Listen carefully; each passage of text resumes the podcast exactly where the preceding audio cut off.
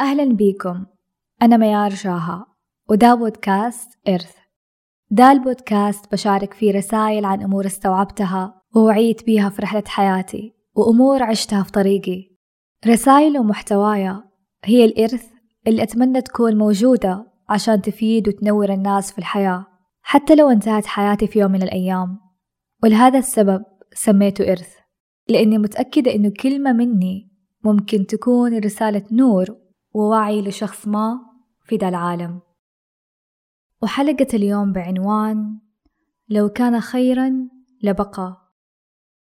من الأمور اللي نحتاج نتقبلها أكثر هو تغير العلاقات والصداقات وتغير وجود الأشخاص في حياتك. على قولتهم دوام الحال من المحال. وهذا المثل كمان ينطبق في أحوالنا مع الناس. في علاقات تتطور وعلاقات تتدهور في صداقات تقوى وصداقات تضعف. في ناس حيظهروا لك وناس يختفوا عنك وأشخاص يمشوا معاك وأشخاص حيتركوك. بس كن عارف إنه مو كل الناس مقدر إنهم يكونوا موجودين معاك طوال حياتك. والأشخاص اللي حولك اليوم حيتغيروا بعد فترة من الزمن. يمكن هذه حقيقة صعبة أو محزنة لكن هذا الواقع. الطبيعي إنه في ناس حتدخل حياتك وناس حتخرج منها. بس بقولك شي مهم. لا تتحسر على أي شخص خرج من حياتك أو تركك أو بعد عنك واختفى فجأة. لأنه يمكن هذه كانت استجابة لدعوتك اللي دعيتها في يوم من الأيام. يا رب أرزقني كل خير وابعد عني كل شر. فبعدهم الله عنك لأنهم أشخاص سيئين لك أحيانا تكون أنت فعلا حاسس إنه بعض الناس ما هم كويسين لك أو أنت مو مرتاح معاهم أو بيأثروا عليك بشكل سلبي فبعدهم الله عنك. لدرجة حتى لما يختفوا من حياتك فجأة تقول الحمد لله لأنك شفت إنه هذا هو الأفضل. وأحيانا أنت ما بتحس بشي سيء اتجاه بعض الناس لكن تلقى إنهم بيبعدوا عنك فجأة أو بيختفوا فجأة. فيمكن الله صرفهم عنك لأنه شايف أشياء أنت مو شايفها ويمكن لأنه أنت كنت تشوفهم ناس كويسين بس من ورا ظهرك وفي الحقيقة إنهم سيئين لك فلا تضيع وقتك في الحسرة. وهذا الكلام طبعا لا يعني إنه كل الأشخاص اللي حتتغير علاقتك معاهم أو حيتغير وجودهم في حياتك معناته إنهم كلهم أشخاص سيئين وما فيهم الخير لا أبدا. لأنه في بعض الناس ما يكونوا سيئين بل بالعكس يكونوا من أحسن الناس وأطيب الناس واللي عشت معاهم أحلى الذكريات وانبسطت بوجودك معاهم وأضافوا لك شي جميل في حياتك. بس خلاص يكون السبب في هذا البعد أو التغيير هو إنه انتهت حكايتهم معك وانتهى دورهم في حياتك. كل شخص راح يعطيك شي معين وحيمشي. ومو كل الأشخاص حيكملوا معاك للآخر. فكل شخص يدخل حياتك ويقرب منك لحكمة وكل شخص يخرج من حياتك ويبعد عنك لحكمة. كل شخص تقابله أو تصادفه أو تتعرف عليه عنده شي معين يعطيك هو. في مقولة تقول الأشخاص الجيدين يعطوك سعادة والأشخاص السيئين يعطوك درس. والأشخاص المفضلين يعطوك ذكريات جميلة. وأحيانا تستغرب من الصدف اللي تصير لما تقابل بعض الأشخاص. بس في الحقيقة يكون إنه ما في شي يصير صدفة. يمكن ما حتعرف الرسالة من وجود هذا الشخص في وقتها بس مع الأيام والسنين لما تفتكر وتتأمل الأحداث أحيانا حتقدر تتوقع وتفهم ليه صار ذاك الموقف. ليه قابلت هذاك الشخص؟ ليه صارت هذه الأشياء بينك وبينه؟ وحتلاقي رسالة من الأشخاص اللي مروا عليك والمواقف اللي صارت معاك. وأحيانا مهما إيش سويت وجلست تفكر ما حتقدر تفهم ليش الأمور هذه صارت. وهذا ترى عادي. عادي إنك ما تفهم كل شيء. وطبيعي أصلا إنك ما حتقدر تفهم السبب والمغزى من كل شيء. في أشياء حتعرفها وأشياء ما يعلمها إلا الله. وعلى طار الناس اللي يختفوا فجأة من القصص اللي صارت معايا تقريبا في سنة عشرين عشرين هو إنه أنا تعاملت مع شخص في السوشيال ميديا وكان يبغى مساعدة في جانب معين. والحمد لله ساعدته باللي أقدر عليه وعطيته معلومات وحسابات وأشياء تفيده في هذا الموضوع. ومشيت الأمور تمام. وأنا في الإنستغرام يعني أي أحد يسألني أو يبغى مساعدة في شيء؟ بجاوب وبساعد باللي أقدر عليه. ففي البداية ما حطيت في بالي فكرة إنه هل هذا ممكن يكون حساب وهمي ولا شخص حقيقي؟ هل صادقين في كلامهم أو لا؟ وهكذا. بس بعد فترة بدأت تصير أمور وكلام ما يدخل العقل وصاروا يجوني أشخاص من طرف هذا الشخص ويتواصلوا معايا. وأنا نفسي بس أعرف يعني هم مين هم إيش هم من أي كوكب. بدخل حساباتهم ما ألقى شيء. أحسهم كذا مجهولين. ما عندهم اسم صريح لنفسهم. كل شوية يغيروا حسابهم أو اسم الحساب. فما صرت أرتاح بصراحة لهذا الوضع. وهذا الشيء استمر يمكن تقريبا سنتين أو شيء. فمع كثرة الأمور الغريبة اللي صارت معايا وإنه الشيء اللي ساعدتهم بيه يعني كان شيء إنساني وبين إني أفرح لإني كنت سبب في مساعدة شخص ما وبين إني أنغبن إذا كان كل هذا فيلم بينلعب علي بس في نفس الوقت ما بسوء الظن وأشياء كثيرة ومليون لخبطة براسي. فالمهم جاتني فترة صرت يعني بس أدعي إنه يا رب أبغى أعرف إذا هذول الناس حقيقيين وفيهم الخير وصادقين ولا لأ. وإذا فيهم شر فاصرفهم عني. فهم كانوا زمان يتواصلوا معايا دايما. وبعدها كذا جات فترة كلهم فجأة اختفوا. وصار ما لهم وجود حتى حساباتهم أعتقد قفلوها أو شي زي كذا. ولما صار هذا الشيء أتذكرت دعوتي اللي كنت أدعي بيها إنه إذا كان فيهم شر فاصرفهم وابعدهم عني. والحمد لله إنه ربي صرفهم عني واختفوا فعلا. وترى إلى الآن أنا ما أعرف إيش حقيقة القصة اللي صارت معايا ولا حقيقة الناس هذول وما أعرف عنهم أي حاجة. بس خلاص هو شي صار وانتهى. والواحد ما يبي يجلس يفكر بالموضوع أو يسوء الظن أو يضيع وقته بأفكار سلبية. وبس هذه جزء من الأحداث اللي صارت معايا. رغم إني ما حكيت القصة والموضوع بشكل صريح وبتفاصيل لأني أحسها قصة يعني كذا الأفضل تكون خاصة وما هي مناسبة إنها تخرج للعلن. وبالرغم من كذا كنت حابة أشارككم بعض الأحداث وخصوصا فقرة اختفاء الناس فجأة.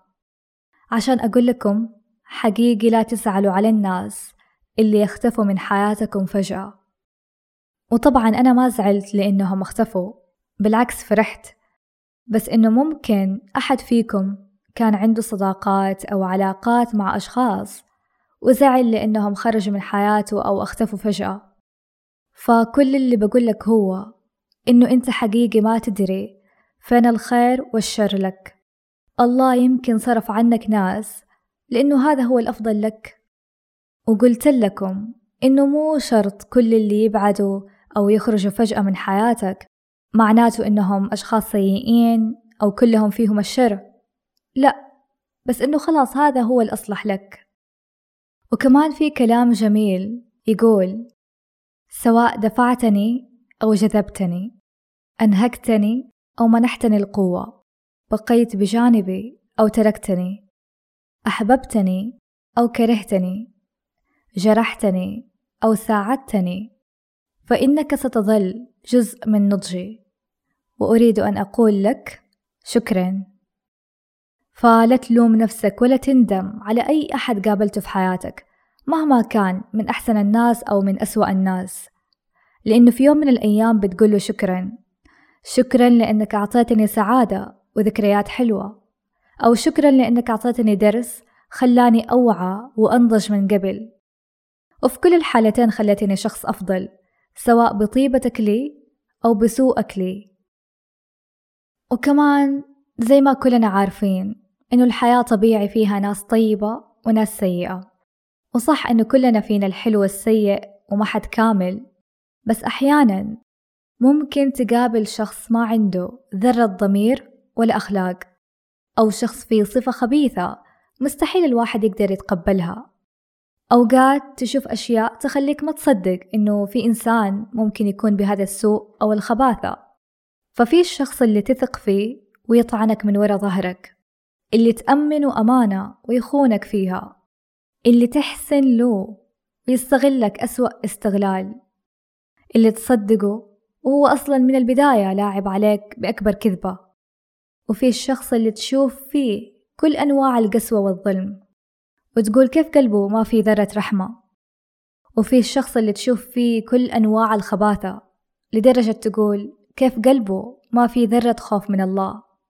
وإيوة في ناس غيرهم كثيرين سيئين. لدرجة بعض الأحيان تتساءل ليش هذه الناس موجودة في الحياة؟ وأنا بصراحة ما عندي لك جواب واحد وأكيد بس الشيء اللي استوعبته هو أن الواحد ممكن يتعلم من الشخص الجيد وكمان يتعلم من الشخص السيء. حتقولي كيف؟ هذه الأنواع من الناس السيئة لما تشوفهم ما تصحي بداخلك شيء؟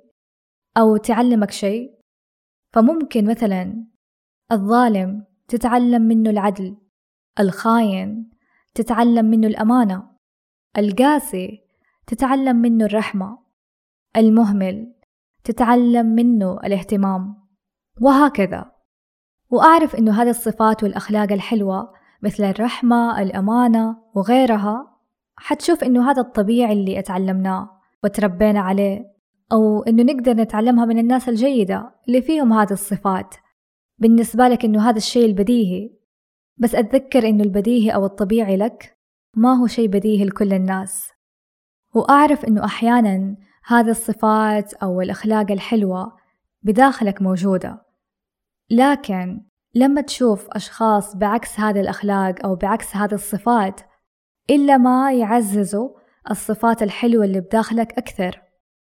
فمهما كنا متعلمين أشياء كثيرة جيدة أو تربينا على صفات حلوة لكن لما تسمع مثلا قصص لناس أو تشوف أحداث وأشخاص خصوصا لما تكون القصة سيئة أو الشخص سيء للأسف كذا سبحان الله أحيانا إلا ما يجي بداخلك شعور زي اليقظة أو الانتباه.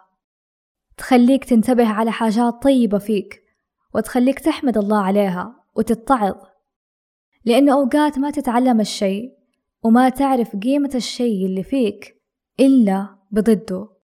ما تعرف قيمة الخير اللي بداخلك إلا لما تشوف بعض من الشر اللي في الخارج. وطبعا أكيد في النوع اللي يتأثروا تأثير سلبي بغيرهم من صفات أو أفعال سيئة فياخذوها ويمشوا عليها. وزي ما الخير يلهم لخير أكثر أحيانا بعض الناس لما تشوف شر يلهمهم لشر أكثر. فدايما دايما الواحد يدعي إنه مهما شاف شر من اللي حوله يثبت على الخير وعلى الأخلاق والصفات الحلوة اللي بداخله. والله الموضوع يعني ما هو موضوع شماتة على غيرنا أو إنه نبى نشوف نفسنا على الناس وإنه نحن الصالحين والجيدين وهم العكس. لا بس إنه هذه فعلا الحمد لله نعمة. نعمة إن الواحد بيتعظ من غيره ويتعلم من الأمور اللي صارت مع الناس سواء كانوا قريبين أو غريبين عنه بدون ما يستنى القصة تصير معاه حتى يتعلم ويوعى. وأعتقد كلنا إلا ما مرينا بناس وسمعنا وشفنا قصص لناس وتعلمنا ووعينا منهم. وإلا ما في شخص غرس فيك حاجة أو وعاك على صفة ومبدأ أو علمك ونبهك على أمور أنت ما كنت منتبه لها. وترى الموضوع كمان مو شرط إنه الشخص لازم يكون أسوأ شخص في العالم حتى نتعظ منه. أحيانا أنت تتعظ مني في أمور أو أنا أتعظ منك في أمور. أنا ممكن أغلط في شيء فأنت تتعلم مني. وممكن أنت تغلط في شيء وأنا أتعلم منك. وهكذا. فهذا شيء طبيعي يعني يصير بيننا ومع الناس العادية. والمهم في الأخير أعتقد أنه جاء دور أنه أتكلم عن الناس الطيبة. فواحدة من الدعوات اللي أنا أحب أدعيها دايما اللهم سخر لي الأرض ومن عليها والسماء ومن فيها وعبادك الصالحين من حولي. والحمد لله أشوف أثرها كبير في حياتي. يعني الواحد حقيقي ما يطلب أكثر من إنه يلاقي ناس خير له واللي قلبها طيب وروحها حلوة فين ما كان. في شغله صداقاته علاقاته في تعامله حتى مع عامة الناس. أحيانا وإنت جالس في مكان عام تلاقي عامل لطيف يخدمك أو تكون محتاج خدمة وتلقى شخص غريب بيساعدك بطيب نفس أو تمر بموقف يخليك تدعي من كل قلبك الله يسعد هذا الشخص من كثر ما أسعدك. ففعلا الناس الطيبة رزق عظيم. لما أشوفهم حواليا أقول في نفسي الحمد لله إن الدنيا بخير والدنيا حلوة. لأنه في ناس زيهم. وممتنة لأنهم بيعطوني هذا الشعور.